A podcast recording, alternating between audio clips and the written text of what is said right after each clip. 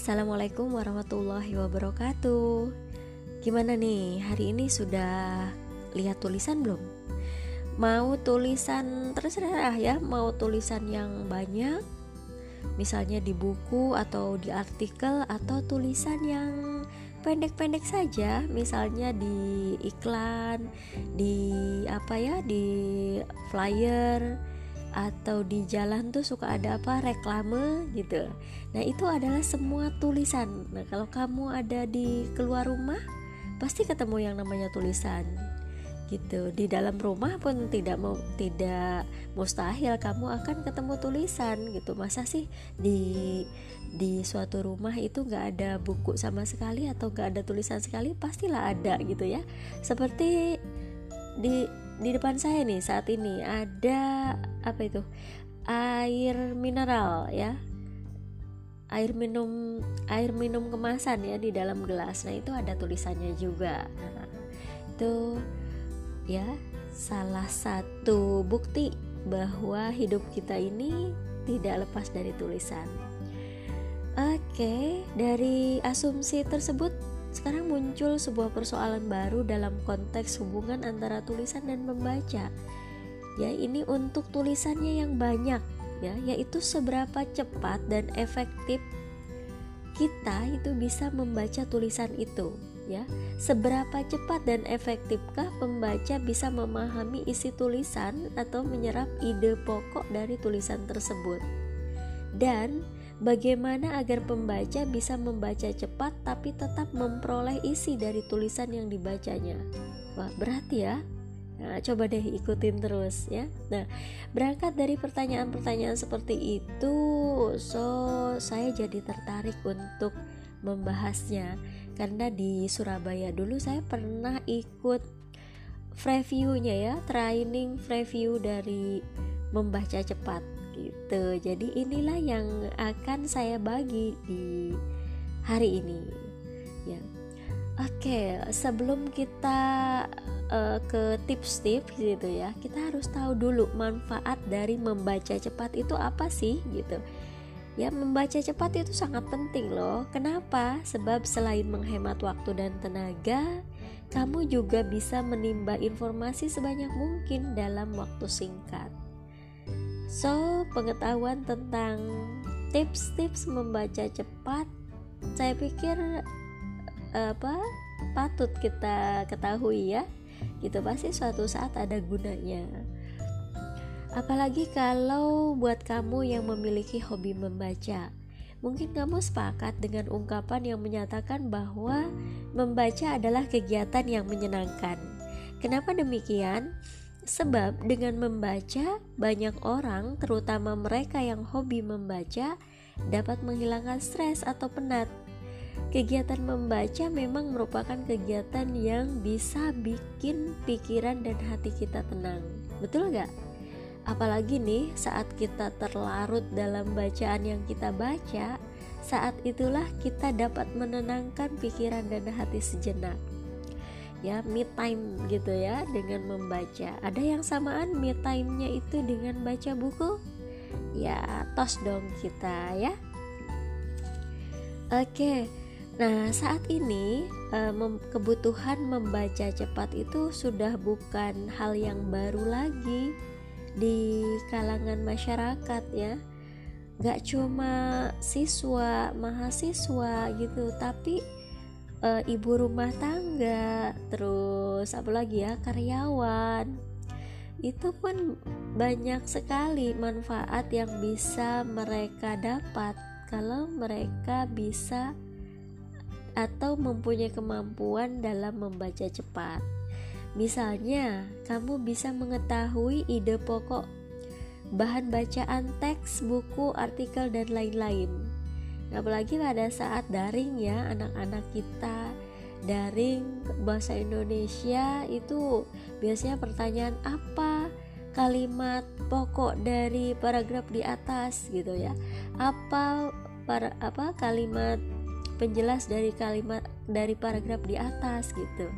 Waduh kalau orang tuanya yang membimbingnya itu gak bisa membaca cepat gimana bisa ngajarin ke anaknya ya kan? Gitu. Nah nanti kan kita bisa ngajarin nih ke anak-anak kita. Oke? Okay? so langsung aja ya ke tips-tips membaca cepat ya. Uh, yang pertama gitu yang sebelum sebelumnya dulu ya uh, harus kamu tahu bahwa kecepatan baca seseorang itu bergantung pada kebutuhan dan bahan yang dibaca. Umumnya, kecepatan baca itu bisa dirinci menjadi lima tipe. Apa saja itu? Yang pertama, membaca secara skimming dan scanning. Nah, ini lebih dari 1000 kata per menit. Selanjutnya ya, atau KPM, kata per menit itu KPM. Tipe membaca seperti ini biasanya digunakan untuk mengenal bahan-bahan yang akan dibaca, mencari jawaban atas pertanyaan tertentu, mendapat struktur dan organisasi bacaan, serta menentukan gagasan umum dari suatu bacaan. Yang kedua, membaca dengan kecepatan tinggi. Nah, ini 500 sampai 800 kata per menit Nah, tipe membaca yang kedua ini seperti biasa biasanya ya digunakan untuk membaca bahan-bahan yang mudah dan telah dikenali sebelumnya. Selain itu juga digunakan dalam membaca novel ringan untuk mengikuti jalan cerita di dalamnya. Ketiga, membaca secara cepat. Ini kisarannya 350 sampai 500 kata per menit. Tipe membaca seperti ini biasanya digunakan untuk membaca bacaan yang mudah dalam bentuk deskripsi dan bahan-bahan non-fiksi lain yang sifatnya informatif.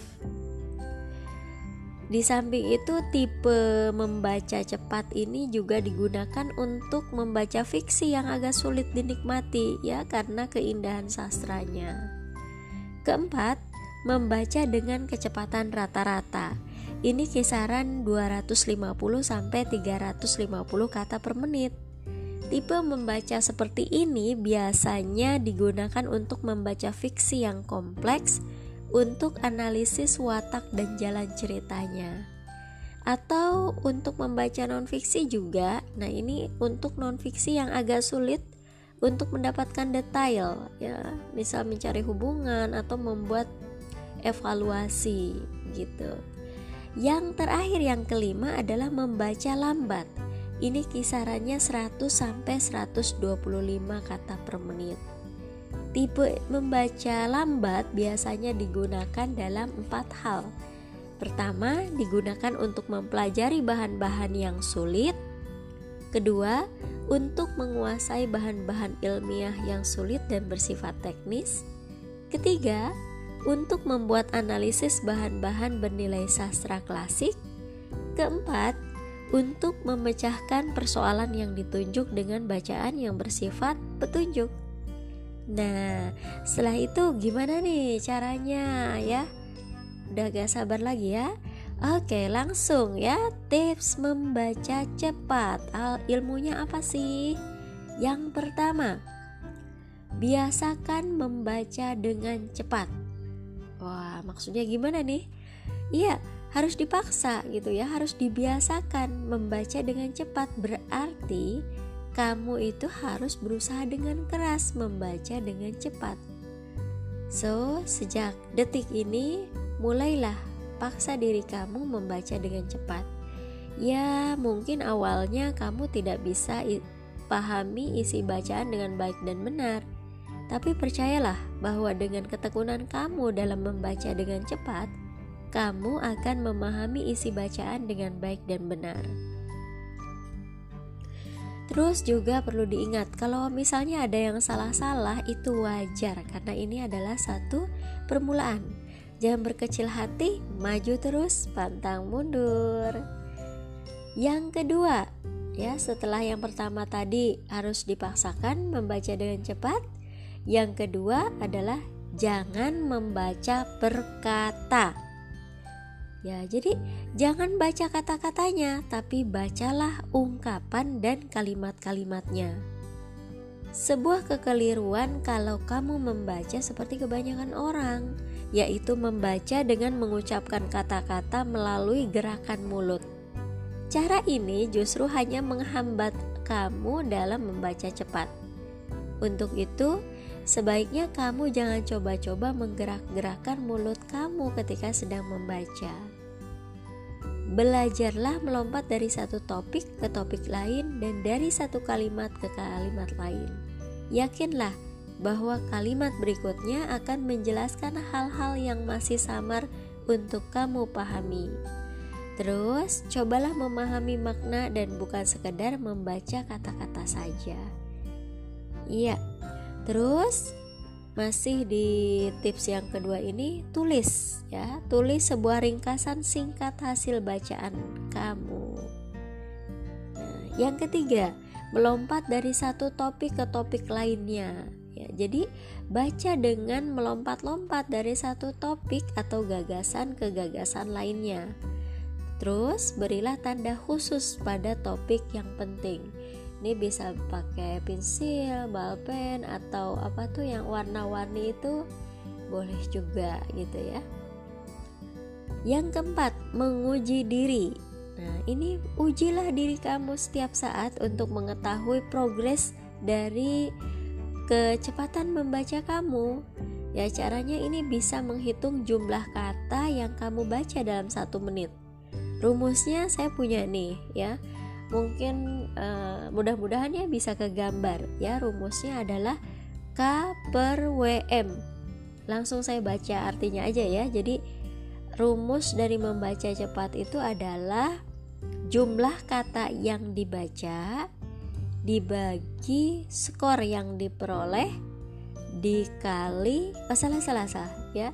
Jumlah kata yang dibaca dibagi waktu baca dalam satuan menit dikali skor yang didapat dibagi skor ideal atau skor maksimal. Aduh, kebayang nggak nih?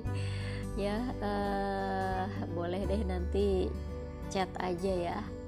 Kalau ingin lebih tergambar rumusnya itu seperti apa, atau bisa googling deh ya googling rumus baca cepat ada kok gitu ya Oke, yang kelima, membaca di tempat yang kondusif. Nah, ini membaca di tempat yang sepi atau tenang gitu ya, biar gak biar kita bisa fokus membaca cepat. Lepaskan diri kamu dari hiruk pikuk, keributan atau hal-hal lain yang bisa mengganggu konsentrasi kamu. Keenam, konsentrasi. Nah, saat membaca kamu harus konsentrasi penuh nih dan berinteraksi dengan khayalan dalam ide dan topik yang disajikan dalam buku yang kamu baca. Ketujuh, pastikan posisi duduk kamu benar dan rileks ya. Jadi santai, tapi jangan juga tidak berarti terlalu santai ya gitu. Jadi tubuh dan pikiran yang rileks sebelum membaca itu akan membantu kamu bisa nyaman dan tanpa tekanan saat membaca. Lenturkan otot-otot tubuh yang tegang dan buatlah diri kamu senyaman dan seenjoy mungkin. Hilangkan seluruh kekhawatiran karena buku yang kamu baca terlalu tebal, bahasanya sulit, tergolong bacaan yang berat atau tidak menarik.